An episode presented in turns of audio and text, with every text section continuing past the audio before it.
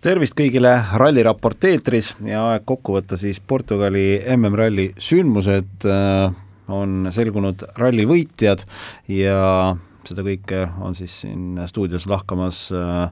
Postimehe Ralliraadiost Alex Lesk ja Margus Kiiver ning eh, on meil eksperdina taas tagasi ka Gustav Kruda, nii et äh, hakkame pihta. me salvestame seda sel hetkel, muide meil taustal käib ka siin äh, vormel üks sarja etapi Monaco start kohe, mis hakkab pihta ja ja Gustav Kruda tuju me oleme juba siin suutnud ära rikkuda, sest ta tuli kodust välja teadmisega, et Charles Leclerc, kes siis Ferrari'ga pidi esikohalt startima, teeb seda, aga me paraku rikkusime su tuju ära, anna andeks. jah, mina arvasin ikkagi jah, Žar läheb enda koduetapil esimesena, aga kahjuks äh, te kohe rikkusite mu tuju ära, et ikka auto hakkas sõitma ja enam liikuda ei saa, aga jah, meil siin äh, GP tagataustal vaikselt startimas on, aga nii kaua võtame ka selle Portugali MM-ralli sündmused siin kokku, mis algasid ja kestsid vahepeal meil ikka väga ilusti, aga eile ütleme ka seal rikuti põhimõtteliselt terve Eesti Vabariigil tuju ära kusjuures ma nagu korra isegi mõtlesin, et, et ma ei tea, et, et äh, mis või kes oleks lihtsam olla, kas äh, Briti äh,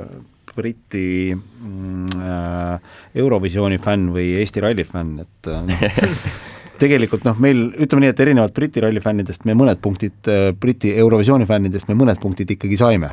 jah, ma nii palju, kui ma täna hommikul olen lugenud jah, siis pigem brittidel on suur arusaamatus, et miks nad igalt poolt nulli said, aga iseenesest enne, kui see kogu Brexiti asi oli, siis ma pole näinud ka, et britid oleks saanud Eurovisioonil mingeid punkte kunagi, et enamasti on kogu aeg seal kuskil taga ja ma arvan, et keskmine britt isegi ei tea neid ansambleid, kes sinna saadetakse. aga see selleks, räägime rallist, tõepoolest äh, äh eile siis äh, Ott Tänak, Martin Järveoja olid sunnitud katkestama ja, ja noh, nüüd tänaseks hommikuks on ilmselt kõik saanud ka erinevad äh, onboard'id läbi vaadata, analüüsida ja kõik on üldiselt jõudnud sinnamaale, et et justkui nagu millegile pihta ei ole mindud, äh, Tänak ütles ka eile siis äh, õhtul ajakirjanikega rääkides, et et me ei ole millegile pihta sõitnud, et eks siis uurige ise välja, et mm. mis siis selle asja põhjus seal on. et Hyundai's võib-olla seda teatakse, võib-olla mitte, noh, teeolud lihtsad ei olnud, aga see ongi natukene nagu selline müsteerium, et, et kas lihtsalt mingisugune osa väsis ära äh,, sai seal midagi pihta, eks neid variante tõenäoliselt on lõputult eks ma arvan, et need osad saavad seal kogu aeg pihta, aga see küsimus on nüüd see, et äh, ta ei tohiks minna katki nende löökidega. et kui me vaatame, noh, kuna onboard'id kõik on juba üleval, ma arvan, et kõik tulisemad rallifännid on läbi vaadanud ka, et kus ja mis ikkagi juhtus siis ikkagi ega ei olnud näha küll mingit pauku või et kuskil oleks otsa sõidetud, aga kindlasti ei ole ka sellist asja, et ükski see detail ei saa mitte ühtegi lööki nende katsete peal, et kuna see ralli on nii keeruline, neid kive seal on nii palju, siis neid lööke sinna autole tuleb niikuinii väga palju. aga see probleem on selles, et see auto ei tohiks nende löökidega katki minna, et kõik need ülejäänud meie konkurendid sõidavad samamoodi, sama kiiresti, täpselt sellesama tee peal ja nende autod kestsid ja midagi meie autol äh, seal siis pidi katki minema, sellepärast et noh, ega ma arvan, et Ott ei ole ka selline mees, et kui ta ise reaalselt kuskile otsa sõidab, et siis ta tuleb service parki ja hakkab autot süüdistama, selles mõttes, et ikkagi sellel pole ka pointi, sellepärast et ega meeskonnal on ka ju kõigil silmad peas ja siis meeskond ütleb kohe, et kuule, mis, mis sa siin ajad siin intervjuudes meie kohta mingit sausti, vaata. et äh, kahjuks äh, on äh, lähitulevikus tuua ka mingi selline paar näidet umbes samasuguse mingi väsimuse kohta, et äh, minu meelest oli eelmise aasta Türgi ralli, kui ma õigesti mäletan, kui meil tuli vasak esimene ratas järsku näitas kuskile valesse suunda ja mehed sinna tee äärde ennast ära parkisid, võib-olla ma ralliga natuke eksin, mälu järgi mul nagu oli see Türgi, aga siis oli samasugune lugu, et äh, et järsku me sinna äärde jäime, keegi meile päriselt midagi ei rääkinud, aga praegu vaatame siin nagu seda statistiliselt, statistilist poolt, siis tundub, et äkki on meil nagu samad probleemid, et midagi väsib seal all ära selliste raskete rallidega, kus kus detailid ikkagi mingeid lööke pihta saavad, aga aga ei tohiks ikkagi katki minna, et mis on enamasti üldse, mis need detailid ju ehitatakse, need peavad minema kõveraks, enne kui nad lähevad katki. et iseenesest, kui vaadata Oti onboard'i ka, siis äh, kui nad ise said aru, et midagi on valesti, siis on kohe kuulda, et Martin ütleb see, et kas on ref, parem tagumine. aga siis äh, Ott nagu selle peale midagi ei vasta, sõidavad edasi, auto nii-öelda krabi stiilis kogu aeg sõidab edasi ja eks ma arvan, et siis ta lõpuks nagu väsis, väsis, väsis ja lõpuks murdus ära ja siis see ratas läks sinna auto taha. jah, oli nagu oli, fakt on see, et, et me lepime siis viie punktiga, mis tänase punktikatse võiduga sealt tuli, neljas positsioon maailmameistrivõistlustel, ehk tegelikult positsiooni mõttes äh, mingit kasvu ei olnud, küll tõsi, nüüd Evans ja Ogier libisesid natuke rohkem eest ära ja selle maailmameistritiitli püüdmine sellel aastal vähe selliseks keerulisemaks on muutunud. Jah, tiitli püüdmine on keerulisemaks muutunud, aga õnneks oleme veel suhteliselt hooaja alguses, et ei ole siin veel aasta selgroogugi jõudnud ära murda. Ja õnneks on veel ralli siin ees tulemas ja ja tuleb lihtsalt loota, et tulevikus ei oleks mingeid selliseid äh, mehaanilisi vigu ja samamoodi tuleb loota, et ei oleks sõiduvigu, et selles mõttes ega sõitja osa sinna samamoodi jääb. Ja ja midagi lihtsat meil siin aasta lõppu ei ole, aga aga nii palju, kui eile nii-öelda Martiniga paar sõna rääkisin lihtsalt, et noh, avaldada põhimõtteliselt kaastunnet, et mis sa ikka ütled sellisele, sellises olukorras inimesele, ega midagi ei olegi öelda, et lihtsalt tunned kaasa, et olukord on maru raske, siis ega tema ütles ka, et et ei ole midagi, oleme ju harjunud siin varasemalt ka minema suurest mäest üles ja tegema asju raskemalt, kui tavaliselt need inimestele tulevad, et äh, laseme pea,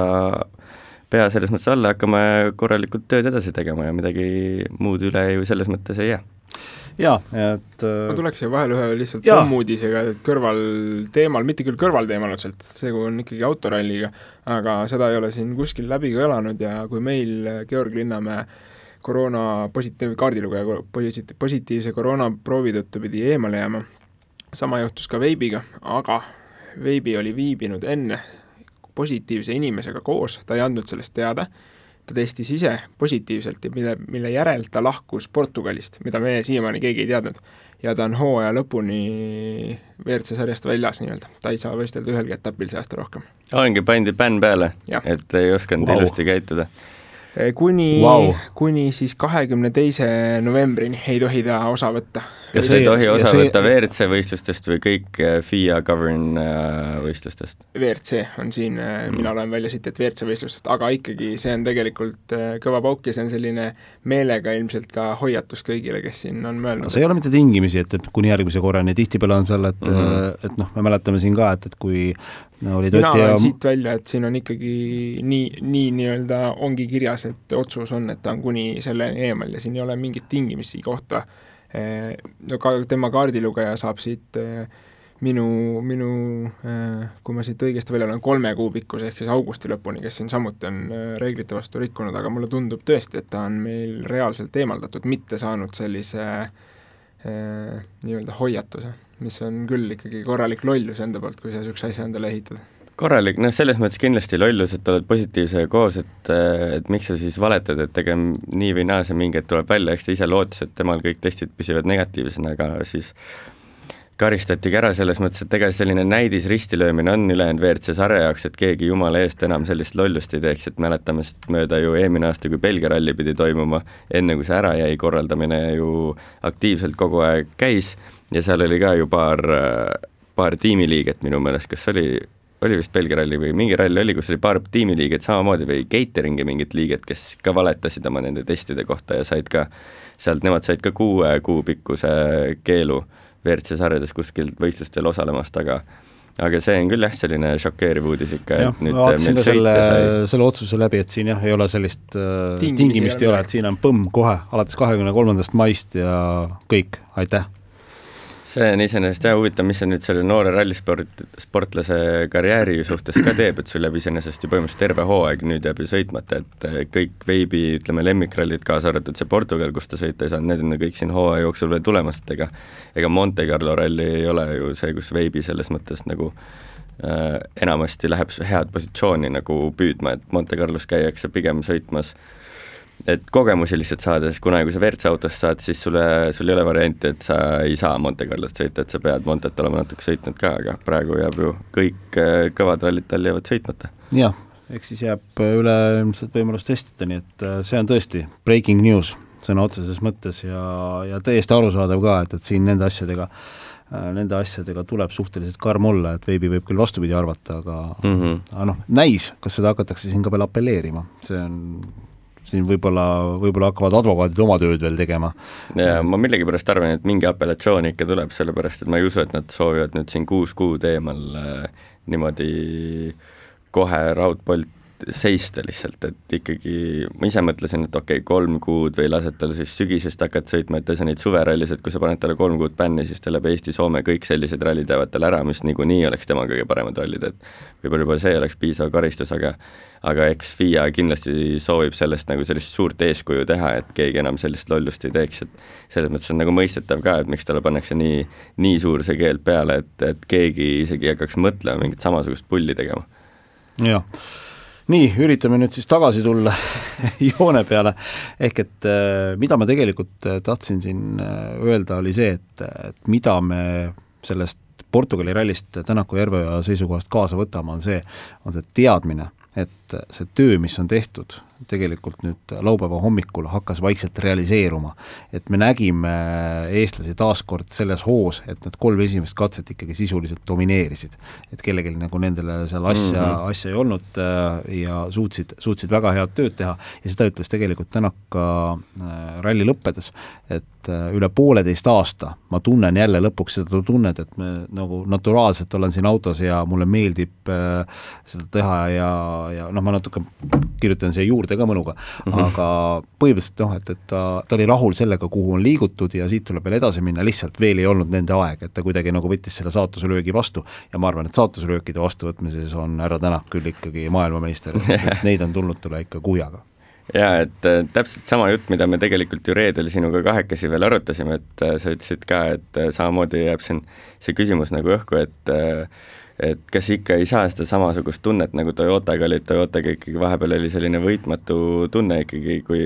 kui Ott seal tuli täiesti müstiliste spliti aegadega, aga aga siis ma juba mainisin, et mul on kuidagi teistsugune tunne, et see on täpselt, see on nagu selline, sellised laused, kus tegelikult Ott tunneb ennast hästi ja sõidab hästi ja võidab ja siis ütleb, et noh, et me ikkagi ütleme, paaris kohas on võimalik veel parandada, et rohkem selline konkurentidele natukene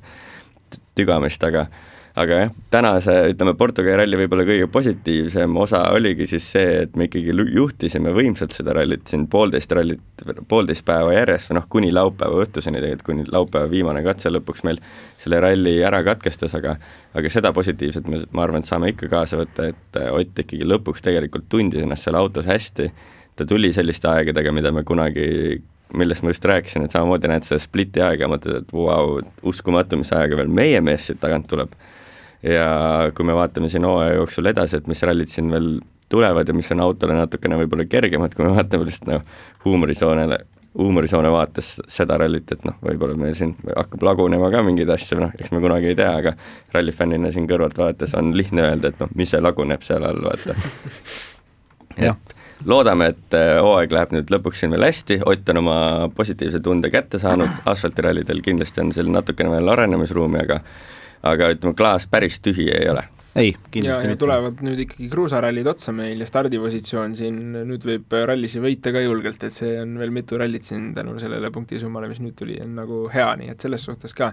kannatab siin Eestini välja ilmselt päris hästi purjetada. jah ja., käiakse pärast, ma usun, tänast rallit on selline väga tõsine tiimikoosolek veel ka, äh, täna hommikused pilgud service'is muidugi olid äh, hindamatud, et, äh, et, et see noh, näitas taaskord seda, et, et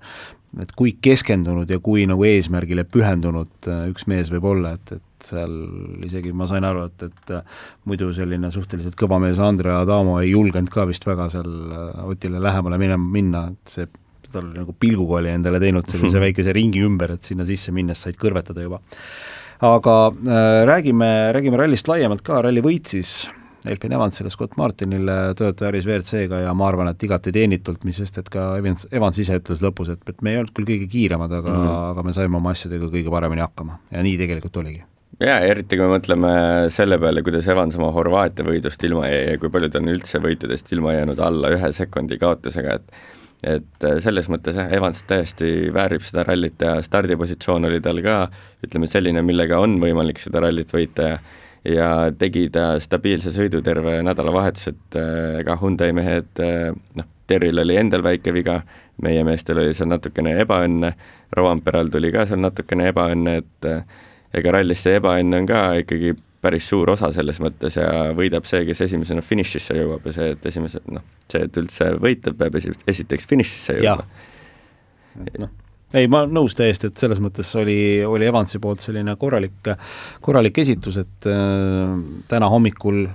lükkas selle Sordo rünnaku ka viisakalt tagasi mm, -hmm. keevitas ikka esimesel katsel ikka väga, väga muljetavaldava aja ja nüüd me siin nagu Aleksiga stuudios arutasime ka, et, et huvitav, et näed, see Power Stage'i värk, et kas ta nüüd nagu kas ta nüüd nagu tegi, põhimõtteliselt viskas äh, Ogier oma heitest selili või, või mis, mis trikk seal oli, et või tal lihtsalt ei olnudki rehve enam lõpuks järgi, sest ta tegelikult ikkagi minu meelest terve tänase päeva sõitis äh, suhteliselt ühe ja sama tempoga, et need, mis kõik teised mujal tegid, teda väga ei mm -hmm. huvitanud, et kõik noh, siin, kes siin kruiisis, kes hoidis rehvi, äh, kes üritas alguses rünnata ja lõpetas selle rünnaku kohe ära, et noh, selles mõttes nagu kukkus kuidagi jube hästi välja, et, et nüüd ei pea Sardiinias teed lahti lükkama jaa. et, Ožee on sarja liider. jah, äh, noh, nagu me siin äh, nädalavahetuse alguses ütlesime, et Ogier siin tagant kuskilt tuleb, et rallita poodiumi peale on ikka väga väike tõenäosus tulla, aga nagu ta ikka kuskilt läbi libiseb, siis Ogier on meil jälle poodiumi peal. ja ega jah, Evansil selles mõttes, kui ta ise rääkis ka, et tal võib-olla kõige paremat tunnet ei olnud siin rallil, et kõige kiirem mees ta kindlasti ei olnud, et Otile nagu puhta sõiduga vastu ei saanud ja kui mõelda siis tänase päeva peale ka, siis Hyundai'st meil oli kaks meest, kes läksid no konkreetselt Power Stage'i peale sõitma, et ülejäänud hommik sõitsid ju nagu vanaemad seal rahulikult, siis tegid oma legendikontrolli Power Stage'i jaoks ja lõpuks läksid selle suruma, et eriti kui ei võta endale varurehvi ka kaasa, lähed veel nelja rehviga, siis on raske minna sealt juhid rallit, ma mõtlen siis Evansi poolt, et juhid rallit ja siis veel Power Stage'i pool sinna veel nagu maadlema minna nende meestega, on tegelikult täitsa mõttetu risk, vaata. et ma arvan, et tema mõtleski, et ma lähen võtan selle kakskümmend viis, mis niikuinii tegelikult on mulle antud taevast kingitusena. sellepärast, et kui eile Otil seda jama ei oleks olnud, siis ega Evans ei oleks seda rallit võitnud. ja ega ma arvan, et Ogieri võitluse suhtes ta ka ei mõtlenud, et ta läheb Ogieriga seal Power Stage'i peale midagi nagu võitlema, maadlema, sellepärast et kui Ogier tahab ja läheb, võtab, siis ta läheb, võtab, ega Elvinil oligi põhise eesmärk ikkagi lõpuni ära tulla, et ta siin täna hommikul ilusti kaitses Sordo vastu, noh, klassikaline Sordo ka muidugi, mina läksin hommikul kohe närvi selle peale, et pühapäeval on pühapäeval, Sordo võib rallit võita ja no muidugi me kaotame esimesel katsel kümme sekundit, põhimõtteliselt kogu selle vahe, mis meil hommikul juba oli, ralli läbi peale pühapäeva esimest katset, noh et no ma teen kunagi mingi statistika ka, kuidas Sordo pühapäevadel, mis tal see pühapäeva statistika on, aga see ei ole hea statistika, ma ütlen teile, noh. et ega eile ju, ma mõtlesin lihtsalt eile, et Adamo oli noh, väga närvis ikkagi service pargis, ütles, et no meil kaks autot, kes tegelikult olid võimelised seda rallit võitma, nüüd ju katkesid ära ja kolmas auto põhimõtteliselt no võiks ka juba ära katkeda, et vahet ei ole, et kaks on juba katkenud, et mis üks auto siin rajal on, ega see väga midagi enam ei päästa. Ja ütles ka ju Sordole, et mine sõida kõik makaronid ennast ninast välja ja võida see ralli ära. Ja mis me nägime, noh esimese katse kohe need sekund kilomeetrile kaotas, noh, ma ei saa, ütles muidugi pidamist või midagi ei olnud, et tunnet ei olnud, muidugi ei saa sõita, kui tunnet ei ole, aga no kuidas kogu aeg pühapäeva hommikul tunnet ei ole, noh. Ju tuleb sellega tööd teha veel natukene, mingisugune küsimus seal üleval on, Takamoto Katsuta, Dan Barrett, nende karjääri parim tulemas neljas aga meie siin tõmbasime tegelikult juba eile õhtul väikese sellise sae käima teemal, et äh, kas tulevad äh, tiimisisesed korraldused, kas lubatakse TAKal sõita äh, nimeka tiimikaaslase Sebastian Ožeega võidu, aga kuidagi nagu täna TAKa nendest katselõpu kommentaaridest, eriti viimasest lugesime välja selle, et seal vist ikkagi eile õhtul külmutati see olukord ära ja noh, isegi sa võid olla Jaapani tootja poolt sinna sarja toodud yeah., kasvatatud äh, ja mis oleks olnud ilusam, et Jaapani, äh, Jaapani äh, sõitja Jaapani autoga poodiumil esimest korda, noh, aga siis ilmselt hakkab öelda, et rahu, see aeg veel tuleb, et yeah. et lihtsalt sellel, sellel on omad sellised kõrvalmõjud, kui sa sõidad seitsmekordse maailmameistriga koos, kes ilmselt seab mingid teatavad tingimused ei no absoluutselt, et selles mõttes, kui oleks Ogier olnud viies, Taka neljas või noh, Taka siis kolmes, ega siis ei oleks mingit korraldust seal tulnud, et Taka peab mööda laskma või midagi, kuna nad seal üksteise taga täpselt tulid, siis just täpselt ongi, et üks sõidab maailmameistritiitli peale ja teine tegelikult ju veel õpib ja kui jõuab siin poodiumi peale, siis see on juba positiivne ja ega kui oma meeskond ütleb sulle, et äh, lase nüüd seitsmekordne maailmameister poodiumi kohale nagu mööda, siis ega see meeskond ju mäletab ka, et sa ju lasid ta mööda ja tegelikult sa olid võimeline sinna poodiumi peale sõitma. ja ega me keegi ei ootanud takalt, et ta sinna poodiumi peale üldse sõidaks, et üleüldiselt, et üldse meeskond juba küsida talt sai sellist asja, see on juba kõik nagu kordades äh, parem, kui nad üldse loota oskasid. Ja muidugi on tavaline, sest sul on seitsmekordne maailmameister kõrval, ta tuleb sinu juurde, ütleb, kuule, Taka, väga ilus ralli oli, võitlesime siin äh, väga põnevalt, oli väga tore sinu vastu sõita, aga ole nüüd normaalne. Ja pane nüüd natuke pidurit, et ma siin ikkagi maadlen täna nagu ründama tegelikult ei, ei läinud,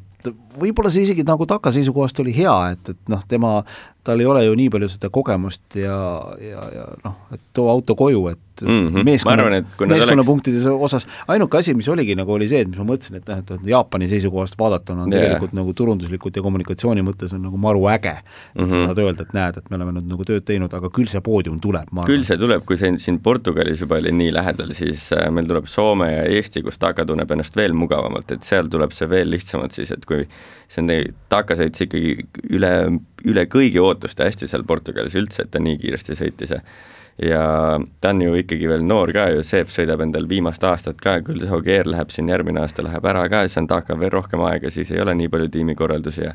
ja jah, ütleme turunduse mõttes oleks see ideaalne Jaapani, Jaapani autotootjale Jaapani sõita ja kui meil on veel Jaapani ralli siin hooaja eel veel tulemas, ega me ei tea, kas ta enne Jaapani rallit, kas ta saab veel ühe poodiumi, et, et midagi ju kivisse löödud ei ole, aga aga kindlasti ma arvan, et tal need poodiumid on veel tulemas ja selles mõttes Taka ei pea kindlasti, ma arvan, et kurb olema, et ta nüüd oma poodiumist ilma jäi ja ja ega ma arvan, et Ogieril on neid karikaid ka nii palju, et kui Taka väga ilusti küsib, siis ta võib selle karika juba seal Portugalis endale saada jah, võib-olla viiakse pärast eralennukiga koju ja yeah., et Soome Puupalasse ikka koju ära. et saate kenasti šampanjaklaase kokku lüüa kuigi noh, jah, šampanja joomiseks võib-olla päris sellist põhjust äh, ei ole äh,. Kui me nüüd räägime äh, M-spordist, siis M-spordile ka taaskord suhteliselt mõistlik nädalavahetus, et kui siin vaadata noh, Formeau harjus asjadega, et ega ta ütles ka, et, et mm -hmm. kõik oli veel selline, õppimist oli päris palju, sai sõita esimesena rajal, mis mm -hmm. oli ka selline võib-olla tulevikku silmas pidades päris hea, äh, ja Greensmit ka oma kiirusega tegelikult äh, väga, väga korralik ja ütles ka lõpuks väga hästi, ütles, et, et aitäh meeskonnale, et mis on nagu selle töö eest, mis on tehtud ja ta ei pidanud silmas ainult autot, tegelikult mm -hmm. on nagu see, et nagu me siin Aleksiga rääkisime, et tal on tekkinud inimesed, kes talle nõu annavad ja mis kõige tähtsam on see, et ta kuulab neid, mulle tundub mm. -hmm. et nüüd selle kaardilugeja vahetusega on ikkagi lõpuks Greensmit selle sammu ära teinud, mida me tegelikult talt kõik ootasime võib-olla juba eelmise aasta lõpus või noh, siin selle aasta esimestel rallidel, aga noh, õnneks väikese viivitusega on ta selle sammu astunud ja ütleks, et äh, kui saaks valida, ütleme, nädalavahetuse ühte tegijat, siis mina annaks küll Gus Greensmitile selle, sest ikkagi kohe reedel nende heade katsete, katsete aegadega ütleme, vist tuju no nii üles kohe, sellepärast et ta on ikkagi no nii raskustes olnud siin viimased poolteist aastat ja ei ole tore vaadata mees, kes nagu kogu aeg tuleb ja pingutab ja arvab, et sõidab hästi ja tegelikult saab nagu korralikult peksa ja siis läheb kogu see motivatsioon ja tuju ära ja M-spordi meeskond oli juba natukene ärevil, sellepärast et no ei sõida keegi selle autoga enam normaalseid katseaegu välja. et nüüd selle õige või noh, uue mootoriga ka on need ajad Greensmitil läinud ikkagi selliseks, et ka tema võib siin poodiumi peale hakata meil hooaja jooksul sõitma, et kui kui me vaatame, et tal reedel see rehvi purumine röövis veel ütleme nelikümmend sekundit, okei okay,, kokku ta kaotas viiskümmend kaks sekundit, okei okay,, katse peale oleks ka võib-olla kümme sekundit kaotanud, ütleme, et rehvi purumine võttis nelikümmend sekundit. et siis ta läks seal Rovampere ja Ogieriga on reedesel päeval kohe nagu ühes augus ja no laupäevasel päeval ka kõik need tehnilised jamad, mis tal seal oli, et tal ei olnud jõudu või ma päriselt lõpuks ei saanudki aru, mis see, mis see päris jama seal oli, aga aga see röövis talt ikkagi rohkem aega lõpuks kui see rehvi purunemine ja kui me vaatame, et praegu tuli siia ralli lõppu, kaotas null koma üheksa sekundit kilomeetrile terve ralli peale, kogu ta nende jamadega koos, siis vahepeal ta ei kaotanud ilma jamadeta ka nii vähe et kui me vaatame selles suhtes seda hüpet, siis see on ikkagi väga kõva ja nagu ma juba ütlesin, siis tal oli juba ammu aeg seda hüpet tega, tegema hakata, sest kui me räägime, et Katsuta siin sõitis Ogieriga poodiumi peale võidu, siis äh, Greensmith peab olema Katsutaga kogu aeg sama taseme peal, sest nemad on enam-vähem sama palju tegelikult WRC autoga sõitnud, et ütleme, päris võib-olla Katsutat Rovamperaga ei saa ka võrrelda, Rovampera on siin neid kilomeetreid ikkagi tohutavalt ro-, või kohutavalt rohkem sõitnud, kui ma arvan, et enamus teised rallisõitjad, äh, isegi need, kes on äh, Romperast kümme aastat vanemad. et äh, ütleme, Lube ja Katsuta ongi, kus Greensmith ennast võrdlema peab, Lube ütleme, ma arvan, et see pakkis oma need pillid juba seal reedel kotti, ausalt öeldes, kuna need pillid kotti pakkis, siis ma ausalt öeldes tuli ikka väga palju küsi-, küsimärke, et kas need on siis terveks hooajaks kokku pakitud nüüd et iseenesest, kui pilte sellest autost vaadata, siis ei ütleks, et see auto nüüd nagu eriti mingi katki oli. see oli ka meil see niisugune üllatusmoment, et hakkasime siin päevaga pihta minema, minema ja ühel hetkel oli küsimus, et oota, aga Lube ei olegi täna tulnud ja hakkasime siis nagu sotsiaalmeediast igalt poolt, et noh, mis see tiim selle kohta öelnud on, et me pole nagu tähele pannudki, et tiim on öelnud, et ta ei tule starti, aga mm -hmm. ka meeskond ei olnud maininud seda, nii et lihtsalt täiesti noh, oligi nii, et selle väljasõiduga nagu haihtus lihtsalt yeah.. ja jah, Lube puhul jäi nagu selline mulje, nagu ta oleks bussi pealt vales peatuses maha tulnud ja lihtsalt nagu natuke aega ringi vaadanud ja siis järgmise bussiga lihtsalt edasi läinud, et noh, et sinna, kus ta õige peatus oli. et tema esinemine siin Portugalis oli küll selline, et, et, et noh, noh, ainuke asi, mis läbi kõlas, ma kuskilt lugesin mingit pealkirja, et äh, too ütles kõva häälega välja, et ta peab nüüd selle allakäigutrepi lõpetama, et nüüd peab hakkama üles tulema. et tunneb, et vist on nagu põhja jõudnud. seal on ilmselt jah, ja astmed on otsa saanud juba, ei anna sealt pole enam kusagile minna, edasi on põrgu ainult, nii et jah, aga no vähemalt sellises olukorras on positiivne see, et enam pole hullemaks võimalik minna, nüüd on ainult võimalik üles minna. no vaatame ega üllatusi on see sport kindlasti meil täis, et on, on tõepoolest äh, ja et võib-olla jah, me nagu selle peale liiga palju siin ei hakkaks aega raiskama, et tänane päev oli natuke nagu igav vaadata ja kõik muud asjad, see lihtsalt mm -hmm. on nagu selline part of the game äh, ja, ja lihtsalt, äh, lihtsalt võib-olla järgmistel rallidel loodame, et seda heitlust on natuke rohkem. kuigi ma arvan, et sellistel raskematel kruuserallidel sellised pühapäevad yeah., neid tuleb veel kahjuks yeah et jah, võib-olla selliseid põnevaid pühapäevasi näeme siin Soome rallil ja Eesti rallil, kus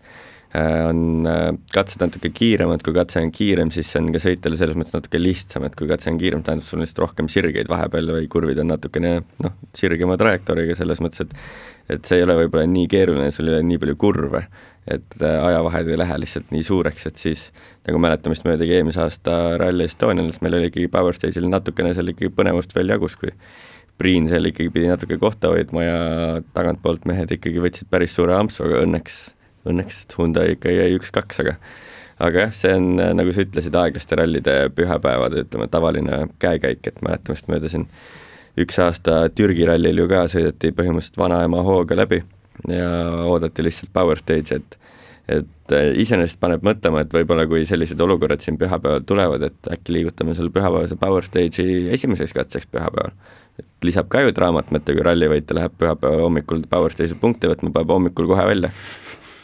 jah no,, see on, see on nagu selline üks võimalik, äh, võimalik variant tõepoolest. Äh, läheme WRC kahe juurde edasi, no Esa-Pekka Lappi, Janne Ferm äh, spordimeeskonna Volkswagen Pologa siin ei olnud nagu väga küsimustki, kiitis tiimi ja oli kõigega rahul ja, ja kõik sujus ilusasti, suutis suurematest jamadest hoiduda ja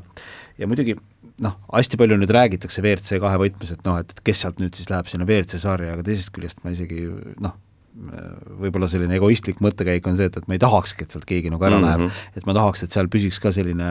äge heitlus, noh, Veibi on nagunii nüüd aasta lõpuni eemaldatud, eks mm -hmm. ole, et äh, täna seal, täna seal sellist ragistamist on päris kõvasti ja seda on, seda on hea vaadata, loomulikult on noh, tore, kui see toimub loomulik edasiliikumine, aga, aga noh, kindlasti, kindlasti Lappi nüüd oma, oma aktsiaid tõstis päris korralikult. jaa, kindlasti Lapi aktsiad on, ma arvan, et väga kõrgel praegu, aga nagu sa just ütlesid, siis väga meeldiv on näha lõpuks nagu seda teist sarja ka, kus seal on kogu aeg tugevad mehed ja käib samamoodi väga põnev võitlus ja on ka huvitav neid vaadata, et ega ideaalis me ju kõik sooviksime, et oleks äh, igal tehase meeskonnal ka selline B-meeskond siis WRC kahes, kus kus äh, saakski noored sõita ja kus siis äh, A-meeskonnad otsiks siis endale uusi sõitjaid ja laseks noortel areneda, aga see tähendab, et ka A-meeskonnas peaks ka sõitjad kogu aeg liikuma, et sa ei saa anda kellelegi viieteistkümneks aastaks kohta, mis tegelikult WRC sarjas on nagu suhteliselt tavaline. kui me vaatame, et noh, Tanis Ordo tegelikult on juba alates aastast kaks tuhat kuus sõitnud WRC sarjas, et et aastaid on juba päris palju ja kui me vaatame siin, kui palju neid noori tuleb kaasa ja, ja palju generatsiooni muutust on juba siin tulnud, siis äh, ega ta natukene jääb ette, ega mul, ma, mulle väga meeldib Tani, mitte et ma nüüd teen mingi kriitikat, et Tani siin pühapäeval võib-olla lasi võidu ära või midagi, Tani minu meelest on üks nagu sümpaatsemaid sõitjaid WRC-s ja ta väärib oma kohta kindlasti. aga see ongi see, et isegi kui mõned inimesed väärivad, siis vahepeal äkki tuleks teha selliseid jõhkramaid otsuseid lihtsalt, et sari kogu aeg liiguks ja oleks värsket verd ja oleks võib-olla põnevust selles mõttes juures. jah nõus, et äh, see, see tekitaks, noh, teisest küljest on ka see, et, et, et sa tahad neid noori fänne ka sinna yeah. äh, juurde saada, et aga noh, noorel fännil on hästi keeruline samastuda äh, nüüd juba siis tõesti Tanis Ordo taolise noh, võib juba varsti öelda härrasmehega, eks ole mm, -hmm. et ega tegelikult Ožee ja Tänak, et need ei ole ka nüüd esimeses nooruses jah yeah.. et, et see, see tegelikult, ma olen sinuga absoluutselt nõus, et see, see mõjutab, et noh, Tanis Ordat me siin ka tegelikult kiitsime, et, et ta tegelikult aegade algusest peale, ega me nagu noh, tema parimate aastate täit potentsiaali me ei näinudki kahjuks mm, -hmm. et ta, ta sõitis lihtsalt ühe teise meeskonna ühe teise sõitja, ehk siis Sebastian Loebi suure abilisena ja tänaseks päevaks on sellest tegelikult saanud see, et temast on asendamatu töömees saanud mm, -hmm. et ta on nagu tori tööhobune, et ta on nagu niisugune kindel, et sa võid alati tema peale loota, seda ütles ka Andrea Adamo, et põhjus, miks nad Keeniasse starti panevad, ütles, et nendes oludes ta usub, et Tani saab väga hästi hakkama ja saabki. ja täna täpselt samamoodi, tõi vajalikud punktid ära, tõsi, äh, sinu poolt välja toodud see miinuspool, et ta siin pühapäeva hommikul ikkagi terav pliiats ei olnud ja ei suutnud äh, seda rünnakut üles üles võtta ja kaotas aega ja on seda ka varem teinud, noh, nii on. jah, ega nii on, nagu sa ütlesid, ega ta kõige paremad aastad võib-olla läksid sinna teise positsiooni sõite peale, aga tal oli halb see ka, et täpselt kaks tuhat üheksa võib-olla, kui ta just hakkas äh, võib-olla oma sellist äh, sammu nii-öelda sisse seadma, siis äh, sündis seal Prantsusmaal ka teine sõitja, Sebastian Ogier kogu aeg on keegi jalus. kohe seal kuklasse hindama, et kui kogu aeg oli ees üks prantslane, siis ta läks tagant, hakkas kuklasse ka üks hingama, et et isegi kaks tuhat üheksa Ogieril ütleme, väga hea aasta ei olnud, peaaegu oleks isegi oma karjääri sinna ära lõpetanud. aga kaks tuhat kümme siis, kui lõpuks Ogierile anti ka täishooaeg, anti Sordole ka täishooaeg, öeldi, et noh, see, kes ees lõpetab, see sõidab järgmine aasta teise meeskonnaga siis, või esimese meeskonnaga siis kahjuks need asjad läksid niimoodi, et äh, Citroeni jäi kaks prantslast ja Hispaania mees jäi korra tööta, siis olid tal igasugused väiksed seal äh, Mini Cooperiga ja ja läks korra veel Citroeni tagasi, aga siis lõpuks ta sinna Hyundai'sse jõudis, kus Hyundai tegelikult siis tabaski ära, et Tani, Tani hakkas paremini sõitma ka, kui Hyundai tal selle hooaja tegi poolikuks. jah, ja see töötab siiamaani tegelikult väga hästi. see töötab siiamaani, et võib-olla äh, võib-olla oligi see, et eh, kui Tanil hooaja alguses siin ütleme, Rootsi rallidel kunagi hästi välja ei tulnud, et kui ta see Rootsi ralli hästi välja ei tulnud, et võib-olla see oli siis mentaalselt äh, nii rusuv noh, tuju läks nüüd nii ära, et järgmised rallid kannatasid selle all, aga nüüd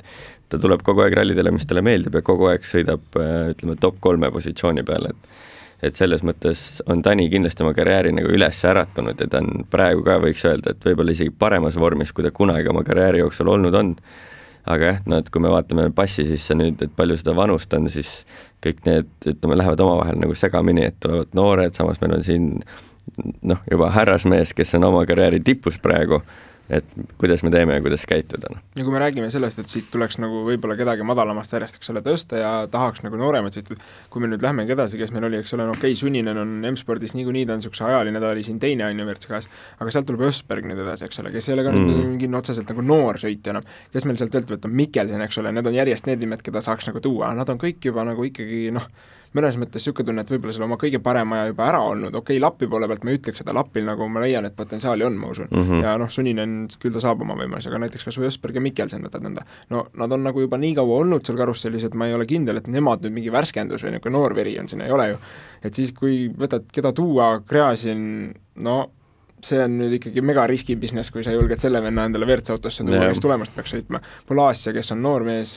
tema ei ole veel päris selle kiiruse peal, et saaks. et selles suhtes nagu otseselt ei ole ka nagu kedagi niisugust noort head, ütleme, Gräzin tõesti kiiruse poolest. ja noh, Oliver Solberg, me oleme siin nädalavahetuse jooksul ka korduvalt maininud, me eeldame, et ta järgmine aeg niikuinii sõidab Hyundai's mm -hmm. WRC autoga, et tema on, tema on ära paigutatud, Romantpera sai ka noore sõitjana kohe ära paigutatud, nemad on head niisugused, noor veri, värske, hea nagu, ja loomulikult toob noori juurde, aga sealt edasi nüüd järgmist arvestada, kes sinna võtta on, ega on nagu veits keeruline. Ega jah, ega nagu sa ütlesid, tegelikult Gräzin on kiire ja tegelikult kui me vaatame, otsime kogu aeg kõige kiiremat sõitjat, jah, tal vahepeal on neid apse, siis noh, tegelikult oma kiiruse pealt ta juba väärib selle WRC autoga sõitmist, et et kui me räägime, et noori kogu aeg peale tuua, siis ega vahepeal ütleme, kui Max Verstappen tuli F1-te ka, siis ta oli ka pigem selline agressiivne sõitja ja kõik alguses mõtlesid, et noh, keda siin Max hakkab kohe alguses kõiki välja sõitma, aga noh, tema ka õppis sujuvamalt selles mõttes sõitma, enam ei ole sellist probleemi, et Max oleks mingi maru agressiivne sõitja. Kindlasti ta on agressiivsem kui mõni teine, aga aga see ei takista selles mõttes ikkagi etappe lõpuni sõita, aga Gräzin on ka noor ka veel, areneb, et see tuleb ka veel aastatega, et kui saad vanemaks, tuleb seda stabiilsust ka juurde ja ja kui me mõtleme tegelikult sinna WRC kolme, siis okei okay,, Kaetanovits on ka, ütleme, härrasmees, nagu Margus siin viisakalt ütles. temal aga... on, tal on hoopis teised eesmärgid. tal on hoopis teised eesmärgid, ta teeb seal noh, brändi põhimõtteliselt poole. ta ehitab jah, oma, oma brändi ja, ja noh, on selge see, et, et sealt nüüd mingisugust äh, tohutut arenguhüpet enam ei tule. jaa, aga kui me mõtleme WRC kolmes veel on äh, Johan Rossel, kes on ka pigem noormees ikkagi asfalti peal, väga võimas ja väga kiire ja tegelikult siin Portugali rallil ka kruusa peal ju ma, ma peast ei ütle, mitmendana nüüd lõpetas top teine, kolmes, ta vist teine oli omas klassis WRC kolm arvestuses ka, et Tanovitši järel just ja neile vahe jäi lõpuks niisugune alla, alla kuue sekundi vist isegi. jaa, nii et siis ta sõitis Kaetanovitšiga sõita ikka korralikult nagu seks sekundisse ka ja ja Rossel oli kindlasti selline sõit,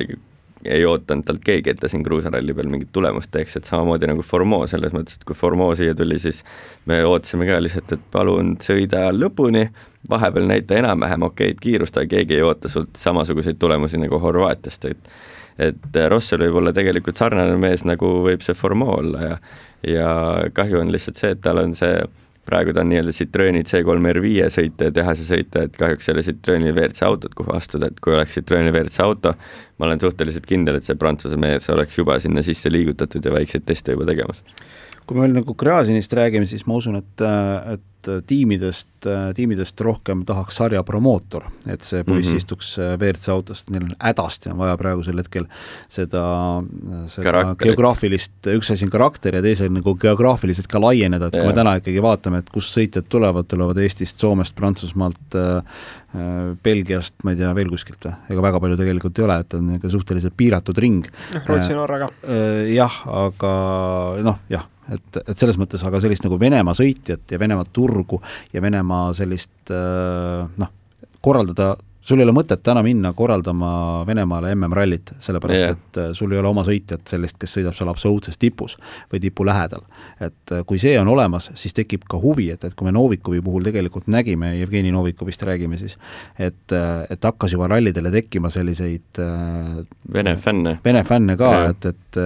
et selles mõttes, kui sa seda fännikultuuri hakkad looma, venelastel huvi autospordi vastu on olemas, aga see praegusel hetkel on lihtsalt suunatud hästi palju ringraja poole peale ja mis on ka arusaadav, et ringrajal on seda glamuuri ja kõike muud sellist äh, Gucci, Versace värki rohkem ka Aga... ja noh, me näeme tegelikult palju Vene raha on yeah. äh, ringrajal, ma ei räägi ainult vormel ühest, ma räägin kereautodest, kõikidest mm -hmm. muudest asjadest. et see on nagu selline kuidagi nagu puhtam spordiala ja nüüd oleks nagu rallisse ka vaja seda ja Gräzin peaks olema see võti, mis selle ukse lahti keerab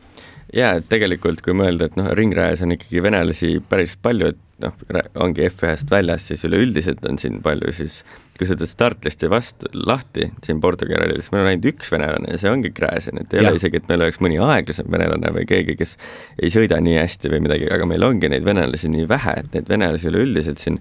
WRC sarja ei ole nagu üldse keegi ennast läbi murdnud, et peale Novikovi ongi meil järgmine ju Nikolai Gräzin, et siin Lukinuk ka korra käis, aga see Lukinuk oli korra ka käis, aga ta oli pigem, ta on pigem ERC mees, kohe kui ta WRC-sse tuli, siis ta ikkagi sai korralikult peksa siin, siin paar rallit ja läks Euroopa katale tagasi ja rohkem pole WRC sarja nagu tulnud ja tal pole ka tegelikult huvi, ütleme selles mõttes tulla mingi suureks maailmameistriks või midagi, tal on ka vanust juba nii palju piisavalt no,, et ta on... teeb seda lihtsalt, mis talle meeldib, nii kaua, kui ta saab seda teha ja tegelikult jah, lood, loodame, et ikkagi Gräzin ja Lukinuk võib-olla seda Vene rallikultuuri nagu äratavad uuesti ellu, et lihtsalt oleks mingi noor vene, vene poiss või tüdruk tulemas, kes oleks kiire ja kes hoiaks siis nagu seda rallisporti ikkagi sealpool ka elus, sest ega kui mõtleme Nõukogude Liidu peale, siis kogu see rallikultuur ju e lihtsalt kuna see käis Eestis ka nii palju läbi, siis see oli ikkagi kõva kultuur ja ralli oli ikkagi nagu austatud spordialaga. aga jah, siin kahekümne esimeses sajandis kuidagi on venelased jah, rohkem liikunud sinna ringraja peale ja on pigem nagu olnud eesmärk, et mingi vene sõitja lööks F1-s just läbi. et mäletan Vitali Petrovi, seal oli nüüd on Tanik Viat, nüüd on veel Mazepin ja kellelgi nagu ütleme, super hästi pole läinud, aga aga nad ikkagi püüavad seal, püüavad seal ilusti ja WRC-s ütleme, Nikolai ju selles mõttes püüab nagu ise omaette jah, ta on ikka toimetanud päris pikka aega ja siin, siin tegelikult jah, võiks olla nagu promootori enda huvi ka, et mm -hmm. ta mõnda sellisesse tiimi mingil moel sõitma pääseb ja ja eks siin flirditud selle mõttega on, et et selline noor sõitja võtta, et noh, alati loomulikult me võime rääkida ka sellest, et selle noore sõitja võtmisel on see teatav risk, eks ole mm, -hmm. et kui sul on noh, M-sport on selles pärast nagu tuntud, et tema ikka aeg-ajalt nopib neid noori üles ja, ja paneb sõitma. aga noh, Hyundai puhul nüüd Oliver on selline, Oliver Solbergist räägime, on esimene selline, kes nagu noorena tuuakse meeskonda sisse WRC autoga sõitma. tegelikult oli Lube esimene äh, jah, noh, aga Lube oli esimene, aga Lube esimene, esimene läbi ikka aia taha et, et selles mõttes et Lubeel on jah, ei ole nagu nii hästi välja tulnud. aga ma olen, ma olen nagu noh, kogu selle pika jutu lõpetuseks ma olen nõus jah, sellega, et sellist nagu noort verd WRC sarja on juurde vaja ja kindlasti nad tahaksid, et noh, ideaalis neile meeldiks ka see, et kui sõitjaid tuleks Aasiast mm, -hmm. mis omakorda võib-olla tekitaks ka huvi mingite Aasia tootjate osas, kes siin noh, sa oled Karlaga koos ju Hiinas käinud, et mm -hmm. see on, see on täiesti omaette maailm. jaa, jaa, noh seal oli sada kolmkümmend autot oli stardinimekirjas, ma tundsin kuus autot ära ja no. kõigil olid tehased, tehase rekad, tehased olid kõik suured koha peal, mitte ühtegi autot ei olnud okei okay,, räägime Portugalist ja räägime eestlastest, Egon Kaul, Silver Simm, tõsine pettumus äh, ja ma saan aru, et praegusel hetkel käib võidujooksu ajaga ja igasuguste muude asjadega ka, et Sardiinia stardis olla, sellepärast et kõik muud protseduurid Sardiinia jaoks on olemas, ainuke asi, mis puudu on, on auto mm. -hmm. et see on, aga see on üsna oluline asi, mis võiks ka olla, et äh, aga ma sain aru, et, et asjad liiguvad kuhugile poole, et äh, Rauno Paltser, kes meil ka siin eile oli, siis ta ütles, et ta on rääkinud, et töö käib praegusel hetkel kaadri taga päris korralikult ja vast äkki leitakse mingisugune lahendus. ma arvan, et ise nägite ka nüüd, täna tuli see video Egoni väljasõidust, et noh, väga-väga kurb ikka nukker, et ütleme, seal paremas kurvis oli ju näha, et kõik rehvid olid korra, korras ja siis no oli väga hästi ka aru saada, et keset kurvi seal mingi pauk käis ja auto lihtsalt ei keeranud, oli näha, et rattad olid välja keeratud ja pill läks otse lihtsalt, et et äh, väga selline väga kurb olukord, et tegelikult Egonil olidki ju siin reedel olid siin mõned probleemid veel ja eilne esimene katse oli väga hea katse ja ütleme, selline tempo, mida ma arvasingi, et Egon ongi võimeline sõitma, et et seal sekund kilomeetril oli kohe kiirem, aga kahjuks seal järgmisel katsel selline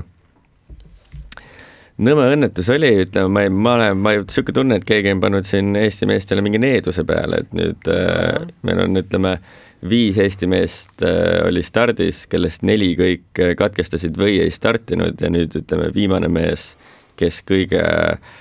lahjema autoga startis ka, õnneks tema kui nüüd on ta finišisse jõudnud? seal on omaette teema, kas me lähme juuniori juurde kohe edasi või mitte. ja ma arvan küll, selles mõttes, et noh, Gregori Etsi saame ka äh, ta tuli siit, vist lõpuni ilusti selle tänase päeva ka, sõitis need katsed ära, mis tal sõita sai, nii et ja, ja kõva kogemuse kogumine tegelikult selles mõttes, et tema, tema sellist äh, kilometraaži neljaveolise autoga arvestades on ikkagi, äh, seda ei ole palju ja, ja on ju esimene MM-ralli kruusal neljaveolisega, et et ta ei ole kruusal neljaveolisega MM-il kindlasti, ta oli MM-i debüüdi tegi ju. Arcticus, Arcticus täpselt, siis ongi, et, et et täpselt nii on, et selles mõttes äh, Gregor koos Andrusega tegelikult äh, õigel teel ja ja noh, ma saan aru, et, et ka seal vist otsitakse ka sellist nii-öelda nagu äh, stabiilset äh, kaardilugejat, kes sinna kõrvale pannakse, sest Andrus, kes tavaliselt siis isa Rauli Eetsi kõrval istub, pigem on praegusel hetkel selline asendusmees, asendusmees mm, -hmm. sest Andrusel endal on tööd ikka väga palju ja, ja ma arvan, et ta ei kannataks praegusel hetkel oma tööülesannete tõttu seda MM-sarja sellises mahus kaasa teha, et see, see ei ole päris nii, et, et on nädalavahetus, et kui sa ikkagi MM-rallile lähed, siis sa põhimõtteliselt juba eelmis-, noh, kaks nädalat varem on su mõtted juba seal mm. -hmm et, et aga ma saan aru, et töö selle nimel käib ja sinna, sinna otsitakse sellist uut kaardilugejat ka, sest äh, Raul Eets koos äh,, öelge nüüd. Daniel Tigasega kirjutas ei, Timo Daniel. Timo Daniel. Timo Danieliga, jah. Timo Danieliga kirju-, olid äh, Portugalis kirjutamas ja ma saan aru, et Timo Daniel vist peakski olema siis see sõitja, kellest nüüd, või ta kaardilugeja, kellest siis nagu tahetakse võib-olla äh, saada Gregorile kaardilugejad kõrval. loogiline oleks, kui ta seal äh, kaasas oli ja tegelikult ju Ken Tornile luges siin aasta alguses selle äh, Rally3 autos ka kaarti Soomes, nii et selles suhtes kiiruse, kiiruse tunnetust kindlasti mehel on, on juba olemas. aga ma lähen siis juunior WRC juurde, ühesõnaga Robert Virves, Sander Pruul, kui nad nüüd äh, service parki ära jõuavad, et see ralli neil ametlikult läbi on, siis tõesti poodiumi koht ikkagi eestlastele selles suhtes sealt ära tuleb, kolmanda koha nad saavad äh,, Martin Sesk selle ralli sealklassis võitis äh, kolme minuti ja üheteist sekundiga Sami Pajari ees, nii et tegelikult ikkagi väga palju tihedamaks läks see konkurents äh, võrreldes viimase korraga, kui seal käidi, siis oli viisteist minutit esimese ja teise koha vahet, nüüd juba kolme peale. Äh, Virves siis üksteist minutit ja nelikümmend kaheksa sekundit kaotas Seskile, aga täna hommikust peale neil autol ei olnud jõudu ja hirm oli, et see, kas see auto kestab ära või mitte, no õnneks siiamaani kestis ja viimane katse tegelikult jäeti pooleli enne neid, nemad olid esimene auto, kes üldse katse peale ei saanud, sest et selle kuulsa Fafe hüppe peal siin WRC kolm meestest keegi avarii tegi, nii et seal pool nina oli sinna hüppe taha maandumisele jäänud koos põhjakaitsete asjadega ja kiirabi asjad olid ka katse peal, nii et eks nad põrutada ilmselt said. ja tuli uudis ka siis, või noh, teade selle kohta, et see katse on üldsegi tühistatud nii-öelda juunior WRC meeste jaoks, nii et nemad nüüd oma, oma teed pidi sõidavad äh, tagasi service parki ja kui nüüd selle viimase sõidu peal äh, midagi katastroofilist ei juhtu, siis tõesti Virves ja Pruul äh, selle poodiumikoha kätte saavad ja selles suhtes, arvestades, et nemad MM-tiitlit püüavad, siis nüüd asjad ikkagi reede, reede õhtuga võrreldes paistavad palju lõbusamad, et siin Horvaatia niikuinii ebaõnnestus, siin oli nüüd kindlalt vaja punkte teenida, et üldse seal mängus kaasa teha ja noh, kolmanda koha punktidega okei okay,, katsevõite siit ei võetud, kuna tõesti longati seda rallit pidevalt siin läbi ja, ja ka Horvaatiast ei ole katsevõite all, aga need rallid, kus katsevõite püüda, on alles tulemas eesotsas Eestiga. ja, ja ma arvan, et nüüd kolmanda koha punktid on väga väärtuslikud, mille pealt saab siin edasi töötada küll selle nimel jaa, ma siin vaatasin neid katseaegu, siis äh, jah, katse oli nagu kinni pandud või ei tulnud neid juunioriaegu, siis ma mõtlesin korra, et äkki ma juba sõnusin ära, et juba ütlesin e viimase eestlase mingi koha ka välja ja tegelikult ole katse lõpus ja no klassikaline, et ikka viiest viis tuleb siis ära. aga noh, õnneks ma arvan, et Robert ikkagi service parki ilusti jõuab, et siis vähemalt üks eestlane meil poodiumi peal, kui tegelikult ütleme, oleks võinud kaks meest siin veel olla poodiumi peal ikkagi, aga aga vähemalt kolmest üks ei olnud täiesti kohutav nädalavahetus eestlaste jaoks, et äh, õnneks Robert ikkagi oma poodiumi tulemuselt ära tõi peale selle,